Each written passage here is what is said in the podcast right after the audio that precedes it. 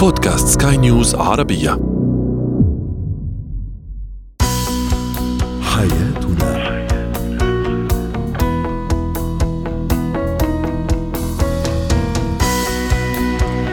مستمعينا الكرام أهلا بكم معنا إلى حياتنا فضاؤكم اليومي الذي يعنى بشؤون الأسرة وباقي الشؤون الحياتية الأخرى والذي يمكنكم الاستماع إليه.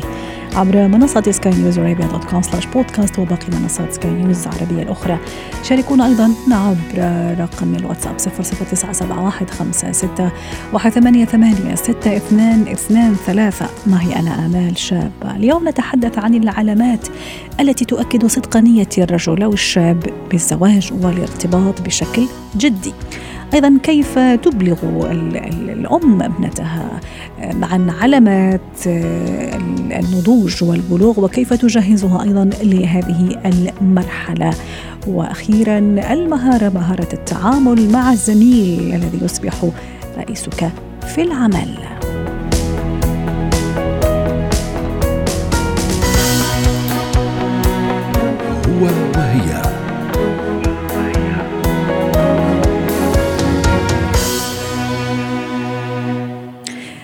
قد ينتاب بعض الفتيات من شعور القلق وعدم ال ال أو الشك من أن الشاب آه، الذي ينوي ربما الارتباط هو صادق في آه، هذه الخطوة وجاد أيضا في خطوة الارتباط ودخول مؤسسة الزوجية. اذا كيف أعرف علامات أو ما هي العلامات صدق الشاب أو الرجل بالارتباط؟ للحديث عن هذا الموضوع رحبوا معي بدكتورة ريما بجاني الاستشارية النفسية والأسرية ضيفتنا العزيزة من بيروت. يسعد أوقاتك دكتورة ريما أنا الآن في مرحلة تعرف شخص ربما يعني خطبة على مستوى الأهل والأسرة والعائلة لكن يعني ما في شيء ما في شيء رسمي هل في علامات تدل فعلا أنه على أنه هذا الرجل عفوا أو هذا الشاب عنده نية صادقة في الارتباط وإكمال المشوار يعني والدخول في مؤسسة الزواج؟ اليوم صراحة هذا الموضوع إذا في أستعمل كلمة شائك يعني بمعنى مخربط شوي وشوي ما فينا نكون دقيقين جدا بأي معنى رح أقول قبل ما نفوت بصلب الموضوع. موضوع إنه أنا اليوم في يكون أكيد أو هذا الرجل أكيد من الخطوة اللي عم بيقوم فيها بس ببعض الأحيان يمكن طرقنا له ببعض الأوقات هذا الموضوع إنه بيفوت على مؤسسة الزواج بيعتبر حاله هو لا مش هيك كان مفكر وما بده عشان هيك رح أجاوبك.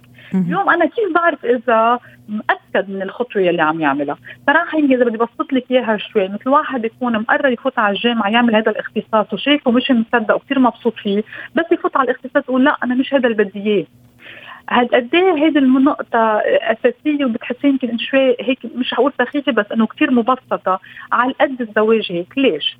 اليوم وقت الرجل يعرف شو بده من هذا الزواج والخطيبة أو السيء الانسه اللي هي معه بتكون للشخص عم تعرف تطلع منه إذا فينا نقول هون بقدر أقول لك كيف فينا نعرف إنه هذا الإنسان مأكد، يعني أنا اليوم أكيد رح أقول لك بده يكون مسؤول، بيحترمها، بيحبها اكسترا بس مش هو الأساس، اليوم الأساس إذا عارف حده شو بده هو من الزواج. أنا اليوم ليه عم بتزوج؟ ليه عبالي يكون مع هذا الشخص؟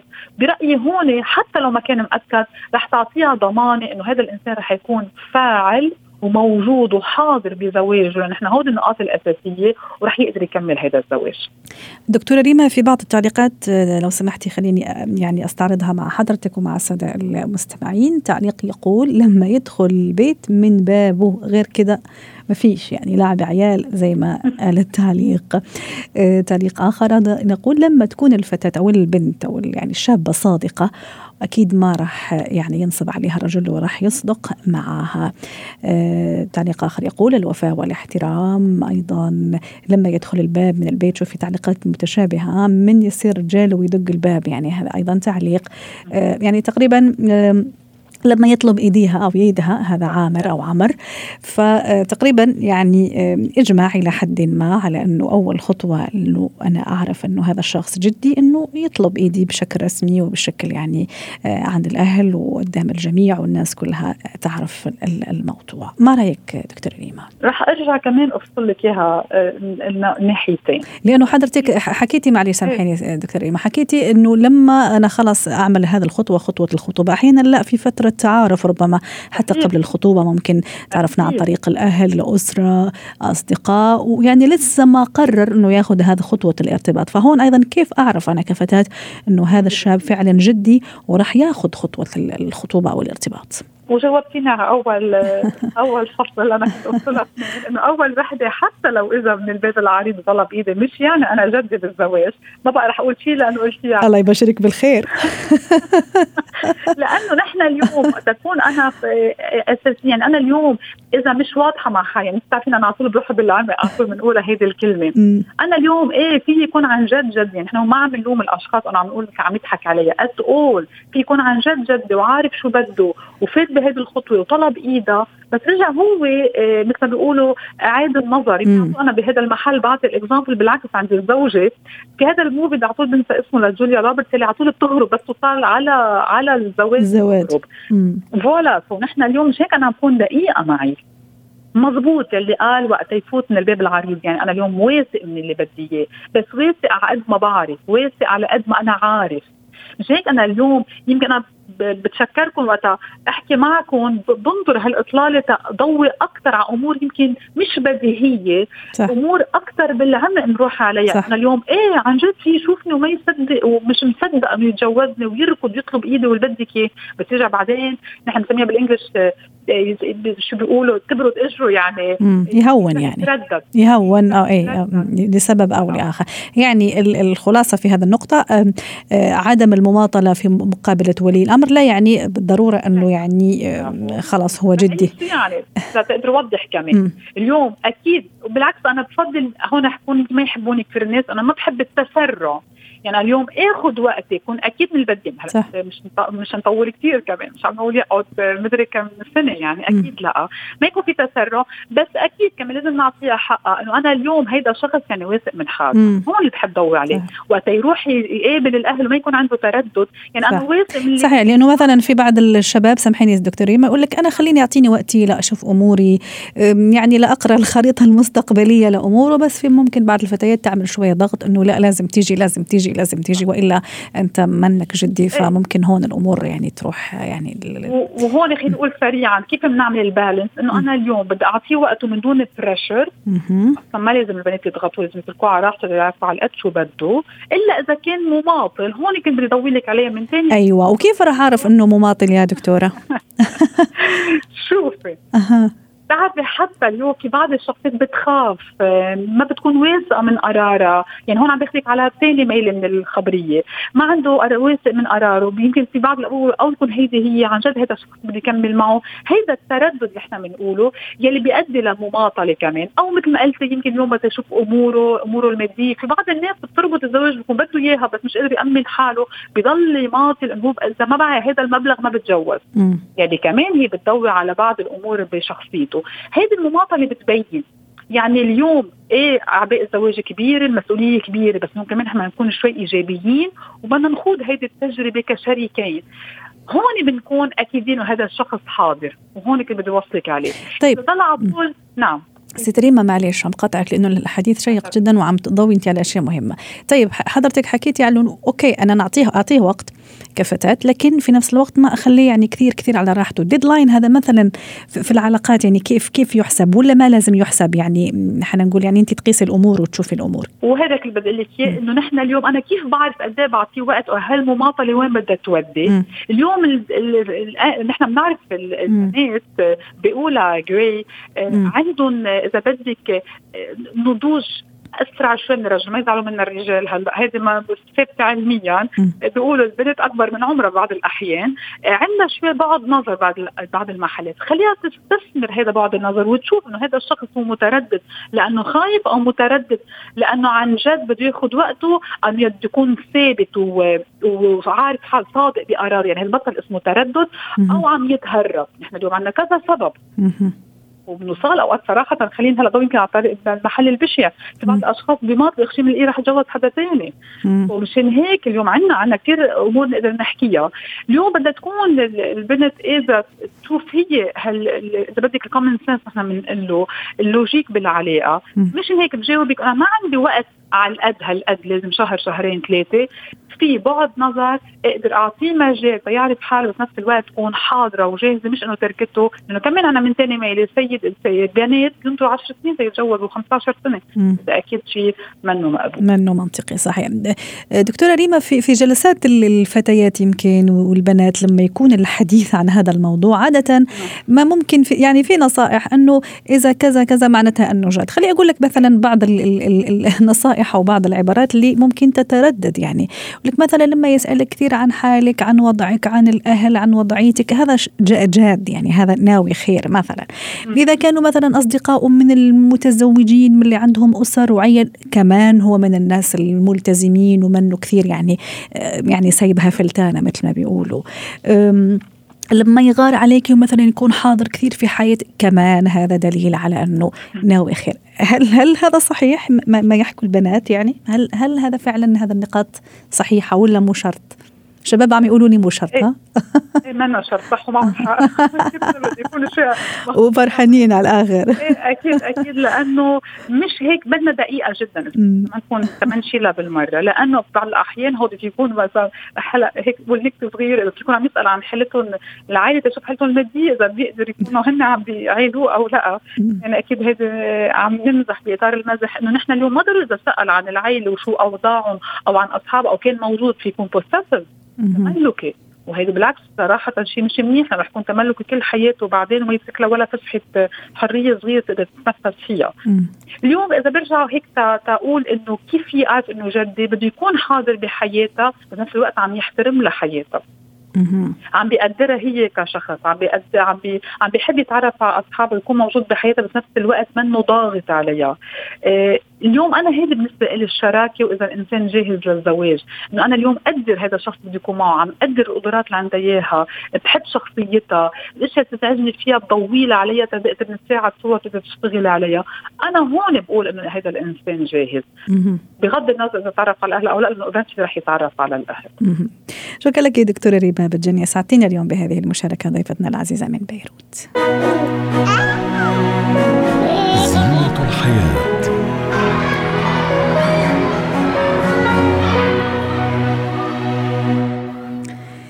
اليوم في زينة الحياة حديثنا للفتيات للبنوتات يعني الفتيات اللي وصلوا لمرحلة البلوغ والنضوج. كيف أفسر لابنتي هذه المرحلة والتغيرات أيضا الفيزيولوجية والجسمانية التي تظهر عليهن بما فيها العادة الشهرية؟ للحديث عن هذا الموضوع رحبوا معي بالأستاذة لما الصفدي الخبيرة الأسرية والتربوية ضيفتنا العزيزة من دبي. يسعد أوقاتك أستاذة لما في بعض الفتيات في الحقيقة ما يعرفوا إيش اللي ما الذي راح يعني يلاقوه مثلا بعد سنة أو سنتين. خلينا نقول مثلا عمرها عشر سنوات أو تسع سنوات مش عارفة ممكن حتى تصل لهذه المرحلة وتعيش خوف وذعر ومش عارفة شو عم بيصير يعني. أنا كأم أستاذة لما متى يعني أبتدي أجهز بنتي وأحكي لها على هذه المرحلة اللي راح تمر فيها. صحيح. هو المفروض الحديث فيها قبل حصولها. تمام. يعني أنا من لما أشعر بأنه ابنتي مثلا صار عندها بوادر بلوغ آه تطور جسدي معين فأنا أبدأ آه، أهيئها الموضوع لأنه أنت بتعرفي للأسف كثير من الجيل القديم وصل إلى هاي المرحلة. هو ما كان بيعرف عنها فكانت مرحلة رعب بالإضافة إلى بعض الكلام بأنه في ناس بيقولوا هي نجاسة أو ابتلاء. فكانت كثير تجربة مزعجة لأي فتاة. فنحن اليوم ما أنه صار في خلينا نقول الثقافة الجنسية اللي هي إنه المفروض نحن نتواصل مع هذا الجيل بطريقة صحيحة من عمر العشر سنين إلى عشر سنة. أتحدث هذا إذا ما اكتشفت أصلا إنه ابنتي عندها كل المعلومات قبل أن أتحدث عنه لأنه هذا الجيل صح. صحيح مشان هيك إحنا لازم نكونوا حابرين حتى نعطيهم المعلومة الصحيحة ومن المصادر الموثوقه استاذه تماما طيب. هذا هو الصحيح سبب حتى الحديث. فبالتالي إنه من عمر العشر سنين أبدأ الحديث بإنه في مرحلة معينة بالطريقة هي بدون دخول بتفاصيل. كالتالي في تغيرات هرمونية تحدث بجسم المرأة. هي عبارة تكون مؤشر لانتقالها من إنه هي تكون طفلة إلى أن تنتقل وتكون شابة. الهرمونات لما تصير في الجسم من إحدى الدلائل على إنه هذا الانتقال هي حدوث الدورة الشهرية. والدورة الشهرية لا تعتبر نجاسة وليست ابتلاء بالعكس هي تجربة وبتعطيك مؤشر بأنه أنت رح تصيري شابة جميلة ومقبلة على الحياة. ولكن النقطة المهمة للتعامل مع الموضوع هي أنه هي بتكون عندها علم بالمسبق بماذا سيحدث. حتى ممكن نحكي نحكي شوي على فكرة بأنه حتى الدورة الشهرية ممكن تترافق ببعض التقلصات بعض الألم ولكنه حتى ما تكون هي حتى بالتجربة الأولى عندها خوف ومرعوبة. يعني هي اللي بتشوفها يعني يعني بنجهزها نجهزها قبل قبل آه. فترة. وبعدين احد صيغه تكون منطقية دون دخول بكثير تفاصيل نشتت تفكيرها.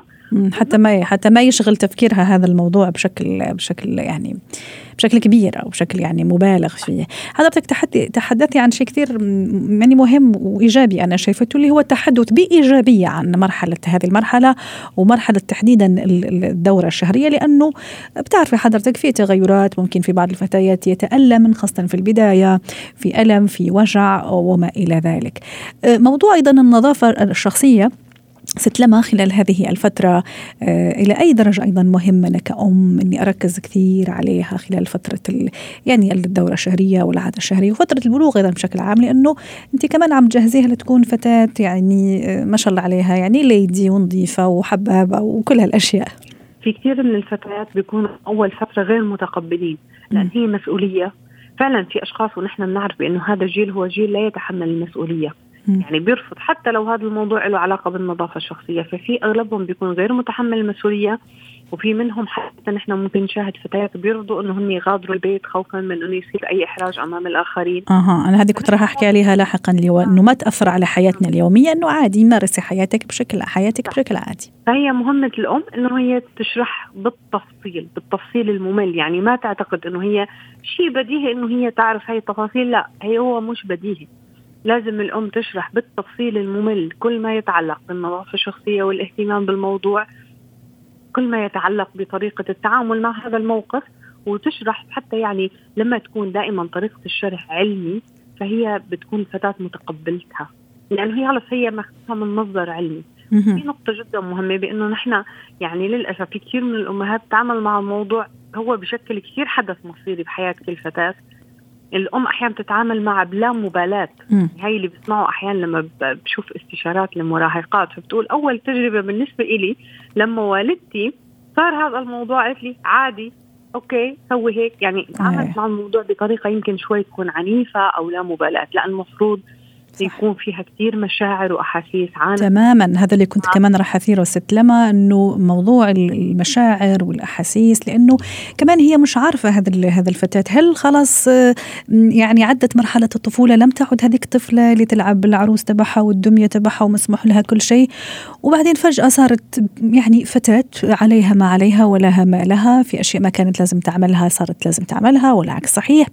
فهذا الخربطة شوية يعني في ما بعرف إذا أقول الهوية بس يعني في المشاعر أتصور بدها حضور نفسي كبير جدا للأم. وبعدين ما دور الأب يعني ما أعرف إذا ممكن نسأل على دور الأب في هالمرحلة. عنده دور ولا ولا لا؟ كل مفروض المسؤولية هذا تكون ملقاة على الأم.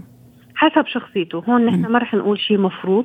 حسب شخصية العلاقة ما بين البنت وأبوها. يعني وإن كان بشكل غير مباشر طبعا ها؟ صحيح. في بعض الآباء آه، بيكون حتى تعاملهم مباشر بأنه بيرجع على البيت بيحضن بنته بيقول له بابا أنت صرتي أحلى صبية بالعالم. بيعطيها إحساس بالثقة بأنه كثير في أشخاص بيتعاملوا مع الموضوع وكأنه عيب كأنه شيء مش صحيح وكأنه شيء مش نظيف وكأنه يعني بحطوا كثير مصطلحات آه، وكأنه هم أو عبء لا نحن هون لما نتعامل معه بأنه هو شيء طبيعي يعني هي الحياة وهي طبيعة البشر هذا التغير بصير. فبالعكس لو كان الأب هو عنده هالقدرة إنه هو يحضن بنته ويتعامل مع الموضوع بطريقة كثير تكون منطقية كثير رائع، إذا كان هو غير مؤهل ليقوم بهي الوظيفة على الأقل لا يؤثر سلبا. جميل. يعني و... على الأقل ينحي نفسه من الموضوع. صحيح وأكيد مثل ما قلنا ست لما حتى نختم على خير اليوم. إنه الحضور النفسي والدعم النفسي كثير ضروري لأنه هي في هذه المرحلة راح تكون ملخبطة ومخربطة أكيد وكل شهر عندها آه، يعني أربع أو خمس أيام كذا أمورها مش يعني مش تمام خاصة في البداية. ف أتصور إنه حضورها الحضور الأم النفسي ضروري جدا. أنا عندي نصيحة أخيرة لكل الأمهات خصوصا إنه أنتم ممكن رح تلاحظوا التغيرات الهرمونية المزاج السيء. وما تنسي أيضا أحيانا حب الشباب أيضا اللي يأثر كثير وخلي نفسيتها أحيانا مش ولا بد أيضا. هذه كثير مهمة. المفروض سينا ما بهي فتره الدورة الشهرية لا تقوموا بمحاسبة بناتكم على تصرفاتهم لا تحلوا المشاكل والمواضيع. بالعكس احتضني الموضوع تعاملي معه بأنه شو الحل؟ ناخذ ايس كريم ناخذ شوكولا. يعني حسسيها بأنه أنا حاسة حتى بالضغط النفسي إذا أنت عايشتي. تعاملي مع الموضوع باحتواء وممنوع نقاش المشاكل وحلها أثناء أيام الدورة الشهرية. شكرا لك أستاذة لما صفدي كفيتي وفيتي معنا في هذا اليوم في هذا الموضوع يعطيك العافية وأتمنى لك يوم سعيد. مهارات الحياة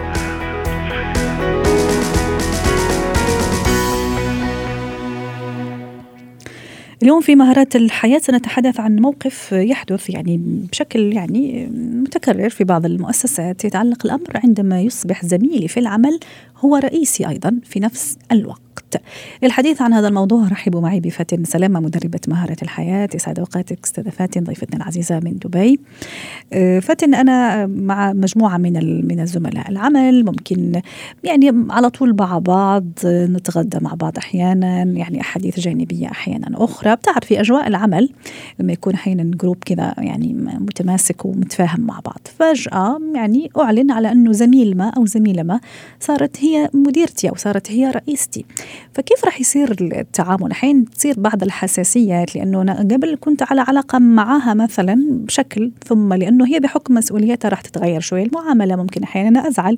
فأعطيني كذا الطريقة سواء أنا أو أو هي يعني هذا رئيس العمل اللي كان اوريدي زميلي في العمل. عارفة الموضوع ده فكرني بمراتي آه، مدير عام الفيلم ده. شادية شادية وصلاح ذو الفقار الله يرحمه. الفقار آه، اللي في العمل يعني في العمل آه، عاملين مشاكل وفي البيت نفس الشيء. البيت عاملين مشاكل آه. كان في دراسة عملتها يعني كانت من ال يعني أنا بحب Harvard Business School وبتدينا دايما حاجات بتبص الموضوع ببعد سايكولوجي تحت وبعد كمان عملي كمان. يعني بيقول إن في دراسة على حسب Harvard Business School كانت نشرت في جامعة ستانفورد بتقول إنه لما بيتحول صديقي إلى مدير يكون قدام إحنا بنقف قدام مشكلتين. الصديق اولا ما بينظر للموضوع إنه إيه ده أنا وأمل طب هي ليه بقت هي مديرتي؟ ليه مش أنا اللي مديرتها؟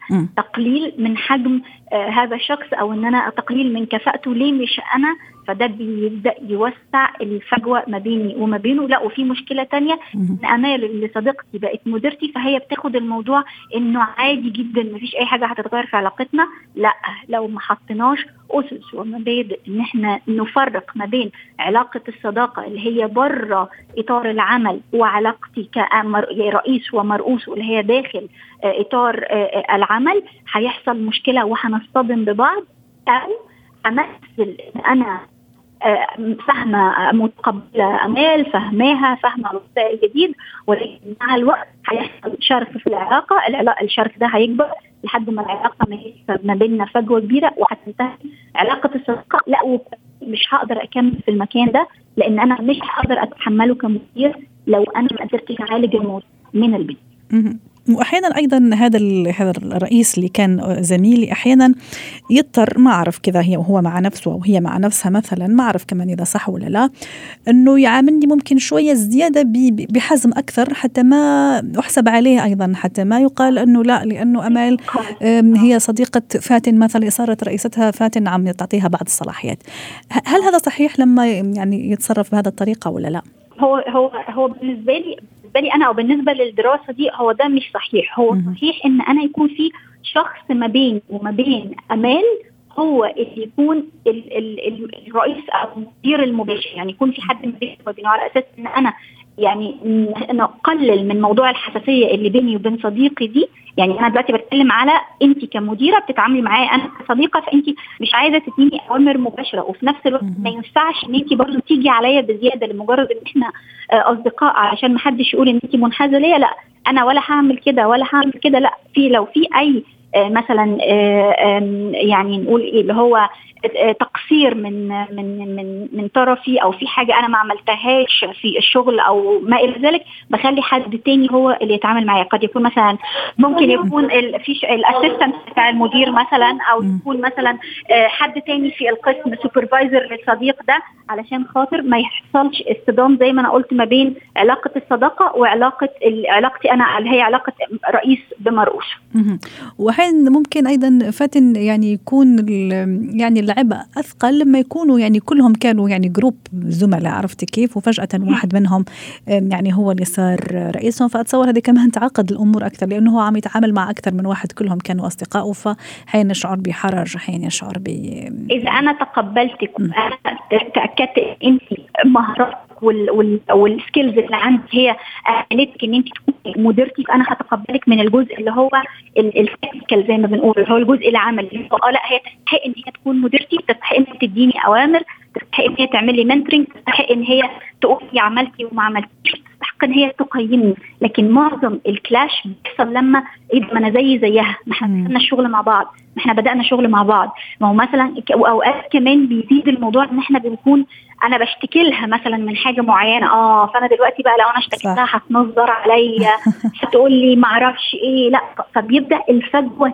تتسع. لكن ممكن أحيانا قبل كانت عندنا نفس الهموم ونفس المشاكل الحين لا هي آه. الآن صارت صارت مديرة أو صار مدير. أكيد انشغالاته غير انشغالاتي وأهدافه الآن غير أهدافي فممكن نصير نتعامل بهذا المنطلق يعني. بيكون في حساسية كثيرة جدا لما لما أنا ببص أو لما بشخصن الأمور لما باخد الموضوع إن هو أمال بقت مديرتي فبتعاملني بالطريقة دي علشان أنا فاتن الشخص مش عشان أنا فاتن الموظف اللي عندها.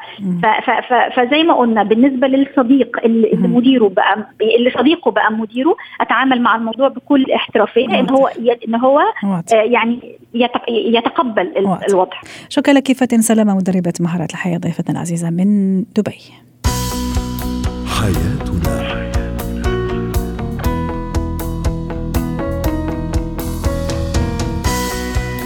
ختام حلقة اليوم من حياتنا. شكرا لكم وإلى اللقاء.